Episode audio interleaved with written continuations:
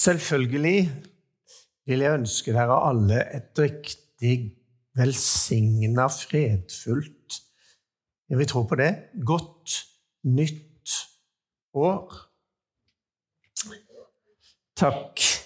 Takk.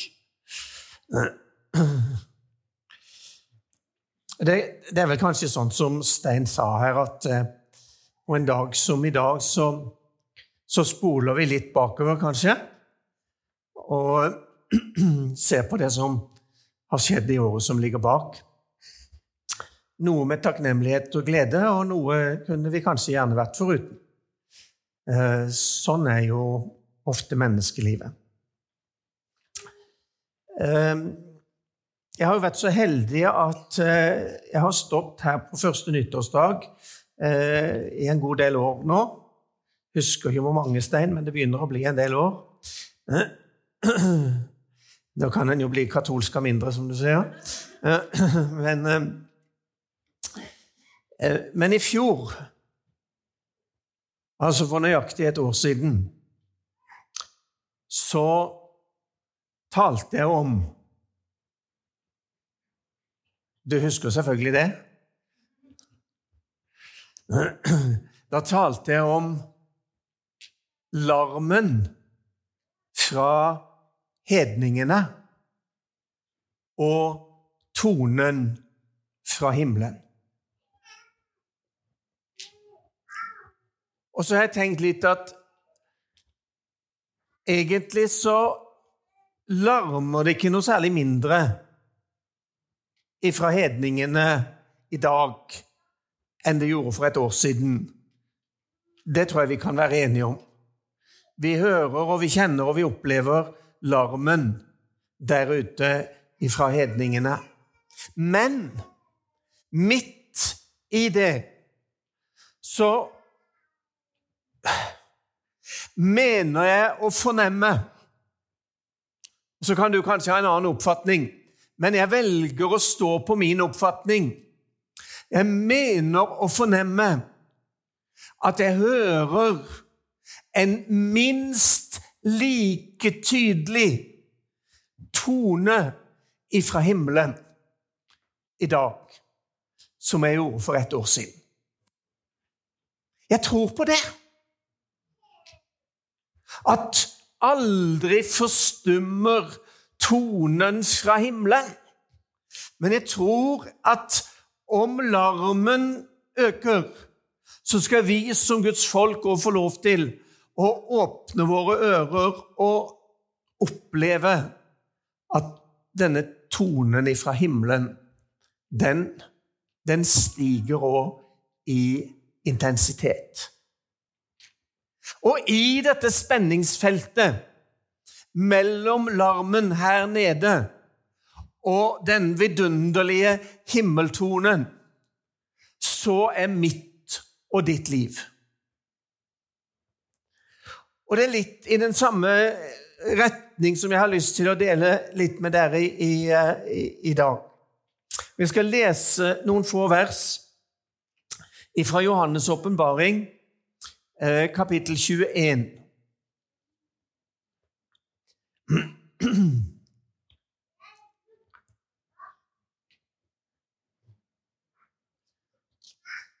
Jeg leste denne teksten på Salem når vi gikk inn i et nytt årtusen. Jeg tror det er første og eneste gangen vi har hatt nyttårssamling på Salem, men det hadde vi når vi gikk inn i år 2000. Og Da leste jeg denne teksten fra Johannes' åpenbaring, kapittel 21, og der det står fra vers 5. Han som sitter på tronen, sa Når han taler, så kan det jo være eh, kanskje nyttig å låne øret til. For det er altså ikke hvem som helst som taler, men han som sitter på tronen, han hadde nå noe på hjertet. Han har faktisk ikke talt direkte siden det første kapittelet i Johannes' åpenbaring. Eh, så gjennom 20 kapitler så har det aldri vært noen direkte tale fra han som sitter på tronen. Men her, når det går helt imot slutten av boka, så løfter han røsten igjen. Og så sier han, Se, Jeg gjør alle ting nye. Og han la til Skriv det ned, for dette er troverdige og sanne ord. Så sa han til meg, det er skjedd. Jeg er alfa og omega, begynnelsen og enden.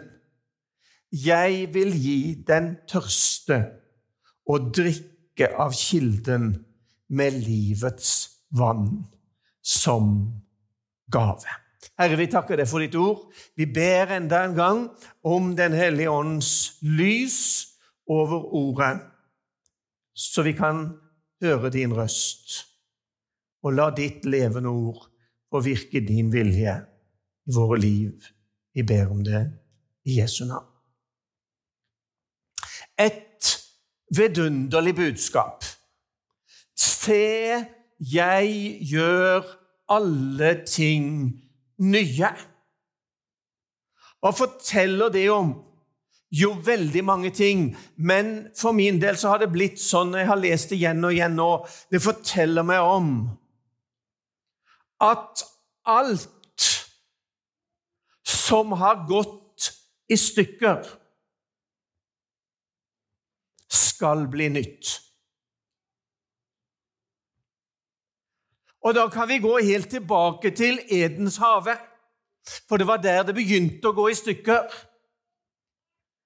Og så har vi fått gjennom hele tidsperioden fra den gang og fram til i dag, så har vi levd, og så lever vi under forgjengelighet.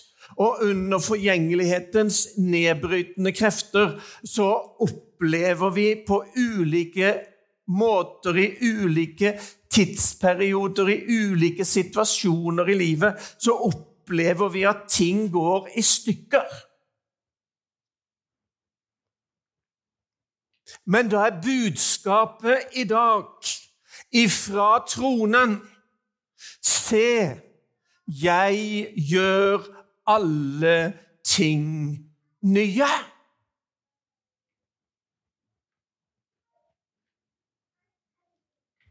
håpet. Håpet som ligger der framme. Ja, det er en kraft som er med og holder oss oppe i dette spenningsfeltet som vi lever. Mellom larmen og himmeltonen eh, så er håpet med og holder oss oppe. Det skal skje en gang at Gud skal gjøre alle ting nye.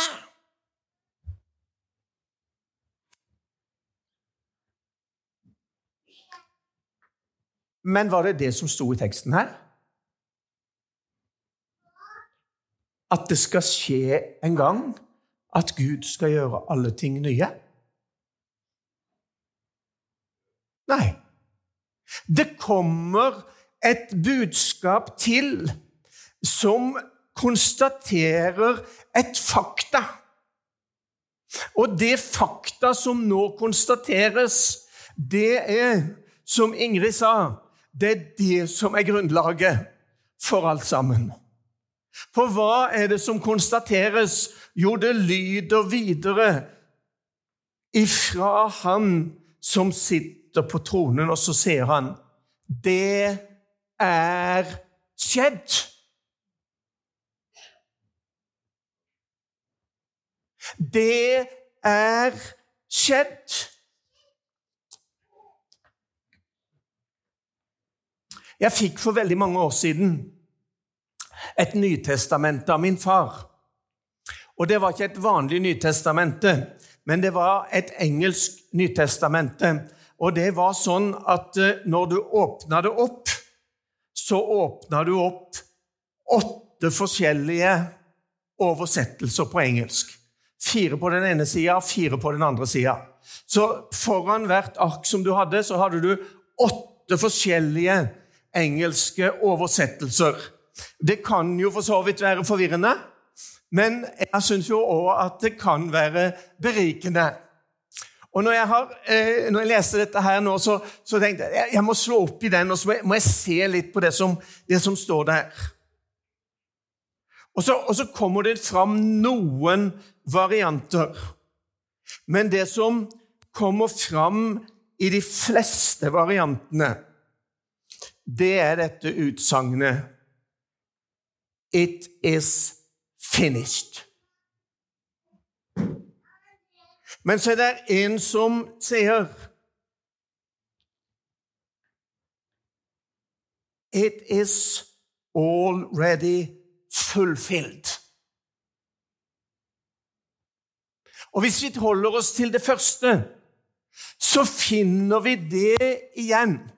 Nå er det riktignok sånn at i utgangspunktet i, i, i de greske tekstene her, så er det brukt to forskjellige ord på det som er brukt her, og det som jeg nå kommer til, og som du venter på kanskje kommer.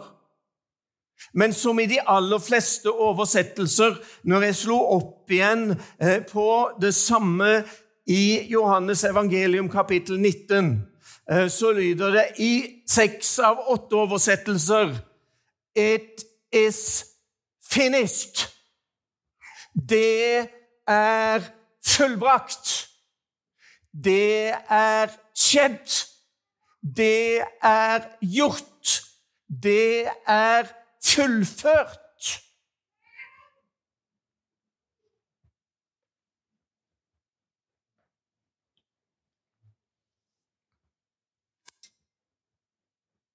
Og så harmonerer ikke dette med vår måte å tenke kronologisk på så harmonerer ikke det med vår måte å liksom få ting til å gå opp etter planen på. Men jeg tror, og jo mer jeg leser dette, her, jo mer kjenner jeg at det blir stort for mitt eget indre å vite at det verk som Jesus fullførte på Golgata, det gjelder for meg i dag, men det gjelder òg for alle de som har gått foran. Og det gjelder helt fram fordi at han sier Så sa han til meg, det er skjedd. Jeg er alfa og omega, begynnelsen og enden. Det er en annen som ser i et annet perspektiv enn oss. Vi ser akkurat her, akkurat nå, og så tenker vi litt framover, og så har vi en plan et lite stykke fram, og så undres vi kanskje hva som skjer der framme. Men han som sitter på tronen, han skuer enden ifra begynnelsen. Han ser et annet perspektiv enn oss. Derfor skal vi få lov til å tro at det fullbrakte verket, det gjaldt for meg en dag til frelse. Men vi skal òg få lov til å tro at det fullbrakte verket, det gjelder, og det står, og det blir inntil evig tid. For det står om han. Han er uten dagers begynnelse. Og han er uten livs ende. Han lever egentlig ikke, og Kristi forsoningsverk kan egentlig ikke plasseres inn i tid. Men det handler om det som han gjorde, som står og som blir, og som vi har lest noen ganger i det siste eh, utover denne høsten, når vi har lest fra Efeserbrevet, der han sier Etter Guds evige forsett har han nå fullført i Kristus Jesus, vår Herre. Han har fullført. Og det er budskapet og til oss her i ettermiddag. Alt det som har gått i stykker. Så sier han i verset foran, vers fire Han skal tørke bort hver tåre fra deres øye. Døden skal ikke være mer. Heller ikke sorg, heller ikke skrik eller smerte. Det som en gang var, er borte. Og så handler det om troens innstilling og troens innsikt på at uansett hvor mye hedningene larmer, og uansett hva som skjer, og hva vi møter i livet, og uansett hva som ligger foran oss i år 2024 så har han allerede gjort et verk som bærer igjennom alt. Halleluja. Uansett når det skjer, og uansett på hvilken måte det skjer, så ligger budskapet der. Det er fullbrakt. Det er skjedd. Alt det som har gått i stykker, skal bli nytt. Alt skal bli nytt. Det som blir forkynt i dette verset, det er allerede fullført.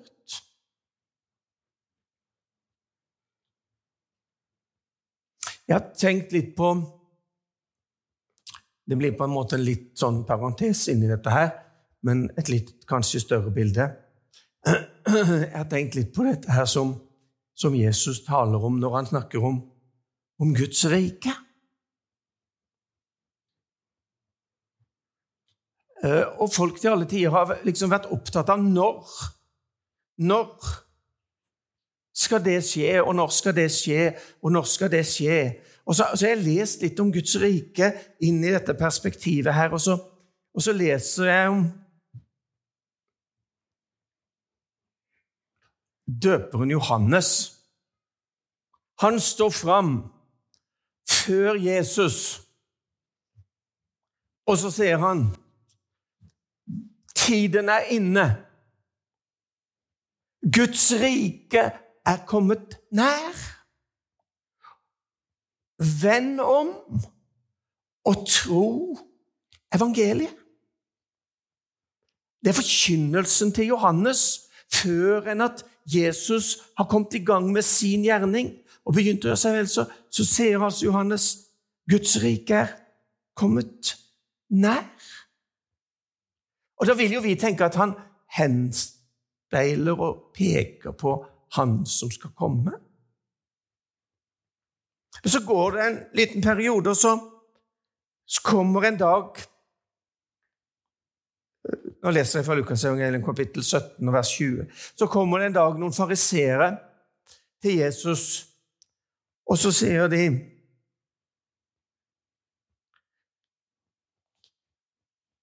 Når skal Guds rike komme?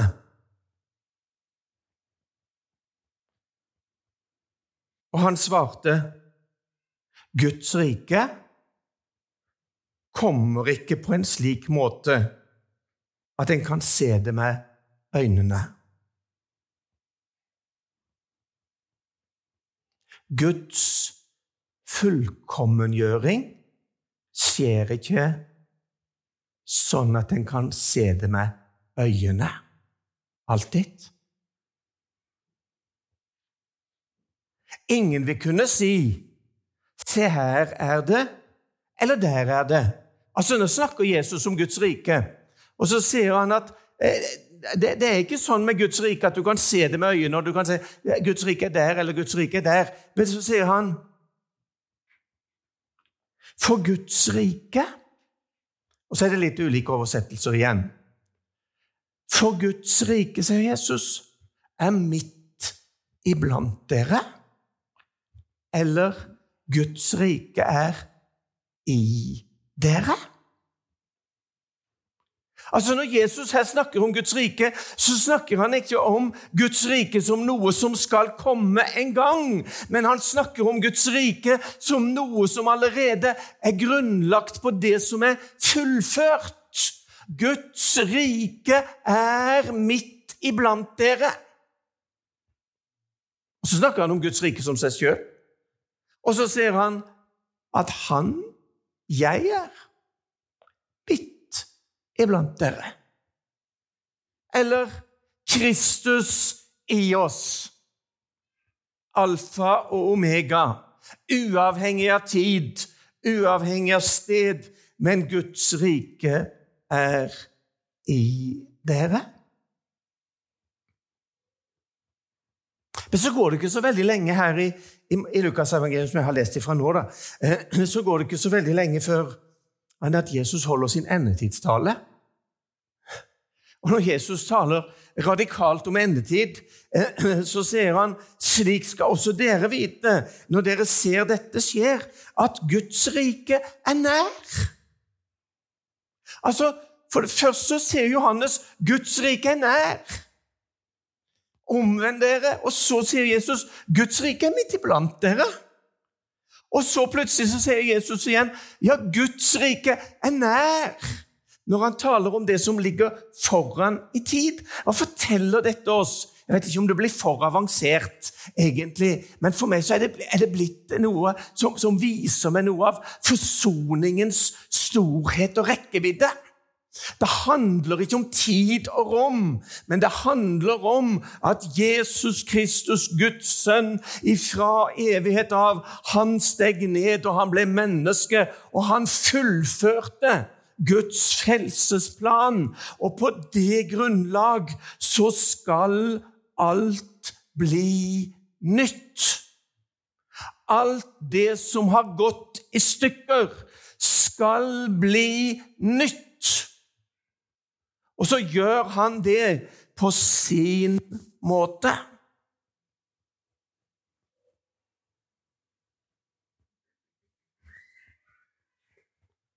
Og jeg vil gi den tørste å drikke av kilden med livets vann. Jeg leste nesten det samme første juledag, men bare da leste jeg fra kapittelet etter, nemlig kapittel 22. Altså i dette spenningsfeltet mellom larmen fra hedningene og tonen fra himmelen, så kommer det liksom et enkelt budskap til oss.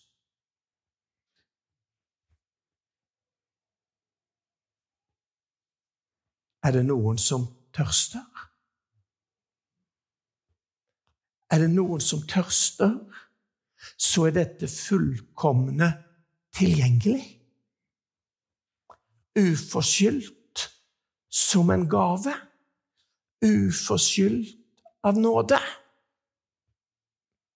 Og jeg tenkte, når, når Johannes sitter der på Patmos og har sine veldige syner og skuer inn i framtid og, og, og, ser disse mektige tinga som vi kan lese om i Johannes' åpenbaring. Og så syns jeg på en måte altså To ganger her på slutten så kommer han ned til dette her enkle, nære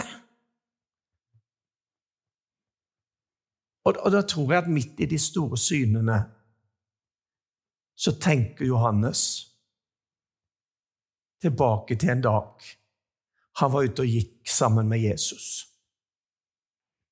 Og så står det om Jesus at han var trøtt av vandringen.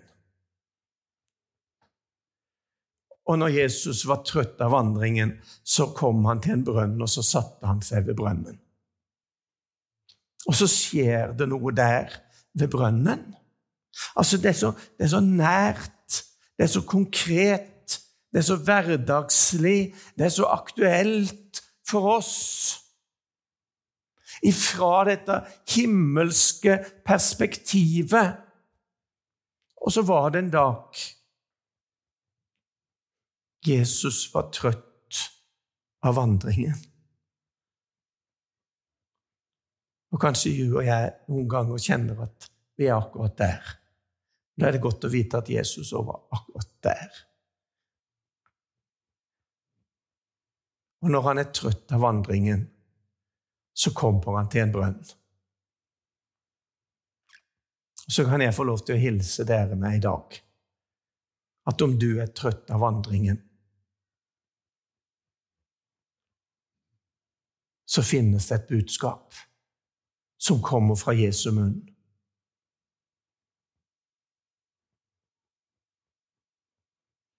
Til ei kvinne som var trøtt av livet. Som alt hadde gått galt for. Og så sier han til ham, om du drikker av dette vann Om du drikker av dette vann som jeg vil gi deg, så trenger du ikke å gå tilbake hit til brønnen for å dra opp vann. Han vil gi den tørste å drikke av livets vannkilde. For kilden er åpen. Det er fullbrakt. Det er skjedd. Det er ferdig. Det er gjort. så var Jesus på vandring, og Johannes var med. En annen dag. Det står det var den siste, den store dag i høytiden. Da står det til og med at Jesus han, han ropte ut. Er det noen her som tørster? Og Jeg kunne ha lyst til å gjøre som Jesus i ettermiddag og rope det ut. Er det noen her i Elvebyen familiekirke i Knofs gate 6 i ettermiddag 1. januar 2024? Er det noen her som tørster? Så er budskapet fra Jesus så enkelt. Han kommer til meg. For alt er ferdig. Du kan komme med din tørst, du kan komme med din lengsel, du kan komme med din fortvilelse, du kan komme med din håpløshet, du kan komme med det som har gått i stykker. For han har sagt, se, jeg gjør alle ting nye. Og jeg vil gi den tørste å drikke av kilden med livets vann som gave. Dere, dette kan jo ikke gjelde når vi kommer til himmelen.